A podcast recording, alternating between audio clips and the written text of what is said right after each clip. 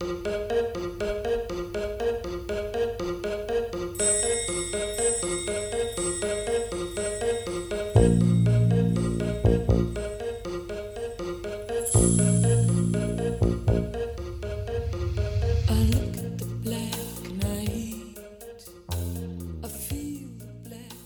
och varmt välkomna till den här podden där jag kommer att ta upp mitt förhållande till det sociala spelet och hur jag försöker lösa den sociala interaktionen med andra människor i vardagen. Det sociala spelet i vardagen. Är det så viktigt att passa in och vara som alla andra? När jag var yngre var sådant helt klart viktigare. Men hur eftersträvansvärt är det egentligen att försöka vara som alla andra när man hur som helst inte är det? Det beror mycket på sammanhanget hur man behöver eller vill anstränga sig för andra. Vi tog upp det lite i scenen ur hjärtat-poddarna. Hur det skulle vara att helt enkelt bara skita i det sociala spelet. Greta Thunberg sa något om det i ett avsnitt i tv-programmet Skavlan vid ett tillfälle. Det kanske funkar vid ärftlig Asperger och om man är berömd. Men min erfarenhet av att strunta i sociala koder är att det slår tillbaka stenhårt mot en i form av mobbning och utfrysning. Jag har inget filter så jag blir extra känslig för energierna och stämningarna i ett rum med andra människor. Det är alltid jobbigt om det är negativa mot en. Särskilt om jag inte själv har lagt märke till orsaken. Om det är jag som varit orsaken till dem eller inte. Då blir det extra jobbigt. Jag kan inte riktigt sätta fingret på vad som är skillnaden mellan min inte ärftliga Asperger och den ärftliga som många andra verkar ha. Men en liten skillnad har jag märkt. Jag drillades lyckligtvis tidigt i livet in i de sociala koderna av mina fantastiska föräldrar som tidigt insåg att jag inte kunde dem. Fick därför fem sociala regler att stenhårt rätta mig efter. Det började när jag skulle börja i första klass. Jag skulle bland annat hålla armlängds avstånd till folk, för jag gick alltid in i dem. Sedan tror jag att en annan social regel var att jag skulle prata långsamt och tydligt. Jag hade ett medfött talfel, så jag var supernasal när jag var liten kunde inte riktigt säga mitt namn ordentligt ens en gång. Men efter en operation fixade vi till det till det bättre. Jag har fortfarande komplex över mitt tal. Jag vet ju att jag pratar betydligt bättre nu. Men ändå. Jag har därför alltid föredragit min sångröst framför talrösten. I alla fall är det ett slags terapi för mig att prata in poddar. Har mer och mer accepterat rösten. Och apropå acceptans och det sociala spelet. Inbilda mig kanske, men ju mer jag accepterar mina diagnoser och hur jag är, desto mindre behöver jag kämpa för att platsa in i det sociala spelet. För accepterar du inte dig själv, ja, det blir inte lättare i livet då. Jag har kommit så pass långt att jag har accepterat mina diagnoser. Därmed inte sagt att jag gillar allt med dem. Jag menar, det ställer trots allt fortfarande till det socialt för mig. Mitt eget förhållningssätt till dem är att jag kör på tills jag går in i något eller någon för att jag har glömt att vila upp mig. Eller så skadar jag mig på något sätt som gör att jag måste stanna upp och tänka över vad jag håller på med. Det var ju om det sociala spelet det skulle handla om. Jag gillar att studera människor. Det har jag alltid gjort. Särskilt ett program som heter America's Next Top Model var extra roligt att studera. För man lärde sig hur man inte skulle vara som människa för att bli accepterad av resten av gruppen. Jag tror det ibland kan vara svårare att sätta gränser gentemot andra människor när man har diagnoser. Det liksom fattas signaler hos en och folk bara kör över en. Eller så märker de att man är annorlunda och beter sig sämre mot en av bara farten.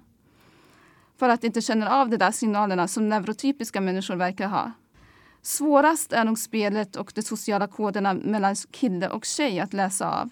Det blir mycket information att ta till sig och jag blir osäker på om jag uppfattar signalerna rätt. Jag är därför väldigt försiktig med den biten. Som jag sa i Balanspodden, andra människors avsikter är inte det lättaste att koda av. Överlag när det kommer till autismmänniskor och sociala koder behöver man vara lite extra tydlig med vad man menar. Blickar till exempel är inte alltid så lätta att tyda. Jag är visst inne i en ABBA-period nu. Här kommer låten Voulez-vous med ABBA.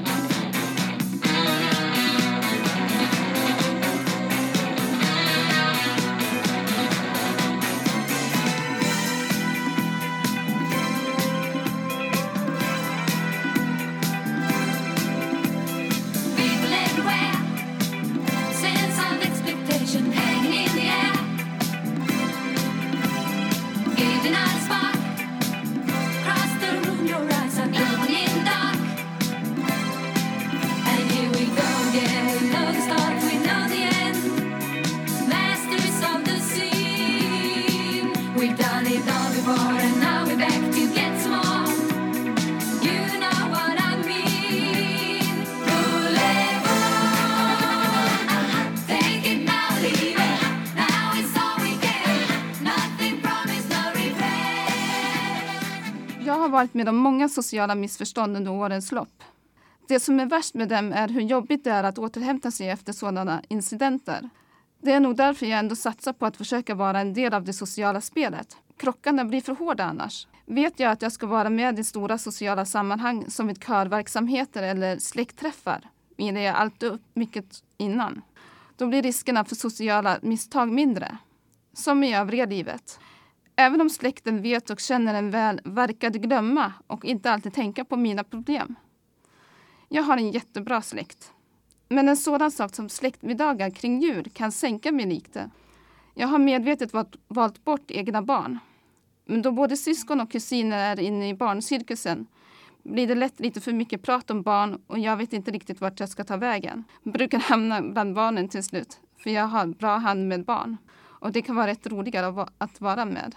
Tänk om det fanns tydliga namn på olika sociala situationer så att man kan applicera sina sociala strategier på dem. Tycker om Abbas låt The name of the game. Den visar ju bara att jag inte är den enda som funderar över det sociala spelets regler. Det som gör att det inte går att applicera samma strategier på alla sociala situationer som liknar varandra är att situationerna är föränderliga. Ingen är den andra lik. Bland det mest jobbiga med det sociala spelet är att så fort man trott sig lära sig om en situation så är den inte densamma nästa gång. Och då kan du ju nästan strunta i de där strategierna. Det tar ju ändå bara energi att överförbereda sig och det i alla fall inte blir som man tänkt sig. Jag försöker tolka omgivningen så gott det går. Det har varit många knasiga sociala situationer under årens lopp. Men faktiskt, lite övning ger mer färdighet. Så jag tycker det är mödan värt att lägga ner lite energi på det sociala spelet. Det är i alla fall vad jag har kommit fram till nu. Har försökt öva upp fingertoppskänslan i det sociala spelet och tro mig, har lyckats ganska väl nu för tiden. Klavertrampen har peppar peppat blivit mindre. Här kommer låten The Name of the Game med ABBA.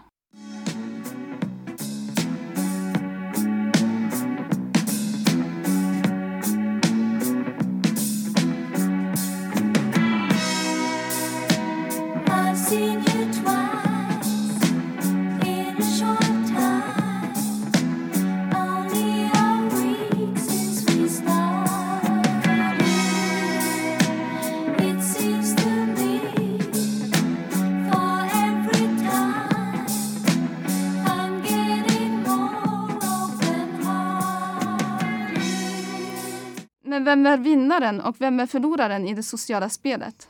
Någon skrev en bok om oss med diagnoser som jag bara läst baksidan på och aldrig kommer att läsa.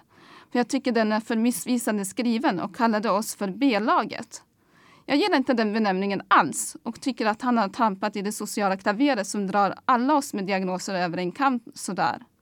Jag håller inte med om att vi är ett B-lag bara för att vi inte får jobb efter flera års hårda studier. Sådana som vi behövs i samhället av andra anledningar, som till exempel en slags påminnelse om att det annorlunda behövs som en sorts motvikt till det neurotypiska. De sociala sammanhangen tror jag utvecklas bättre om den med diagnosen interagerar mot den neurotypiska. Samhället sporrar sin sociala utveckling bättre tror jag om dessa två möts och kan interagera på det sätt vi gör nu. Annars blir det stagnation och ingen social utveckling. Tror jag. Jag är superstolt över min utbildning och finner mig inte i att bli kallad för ett B-lag av den författaren. Vi är lika mycket värda som den neurotypiska i det sociala spelet. Här kommer låten The Winner Takes It All med ABBA. I don't wanna talk about things we've gone through, though it's hurting me. Now it's history. I played all that's what you've done too. Nothing more to say. Avslutningsvis vill jag bara säga att jag har märkt att jag har lärt mig leva med de flesta av de sociala koderna. Det märks för att de sociala misstagen blir färre med åren. Och jag får mer ro i själen av att slippa den där urjobbiga känslan av att ha gjort bort mig nu igen. Åh nej, perfekt går det inte, men betydligt smidigare. Det är därför jag väljer att vara en del av det sociala spelet. Dels ingår spelet i vardagslivet och dels tar det för mycket energi att gå och fundera på vilka delar av spelet man ska undvika. En del undviker man per automatik. Men man skulle missa så mycket bra saker. Man helt missade det tror jag. Som att lära känna nya människor. Få nya vänner som vidgar ens sociala kompetens och vyer. Tur att det finns sådana som Elaine Eksvärd som gillar att och är bra på vett och etikett och sociala koder och situationer. Hon är dessutom riktigt bra på det. Elaine kan reda ut sociala situationer och tipsa om hur man bör lösa situationen istället. Podden avslutas med Chess med Benny Andersson.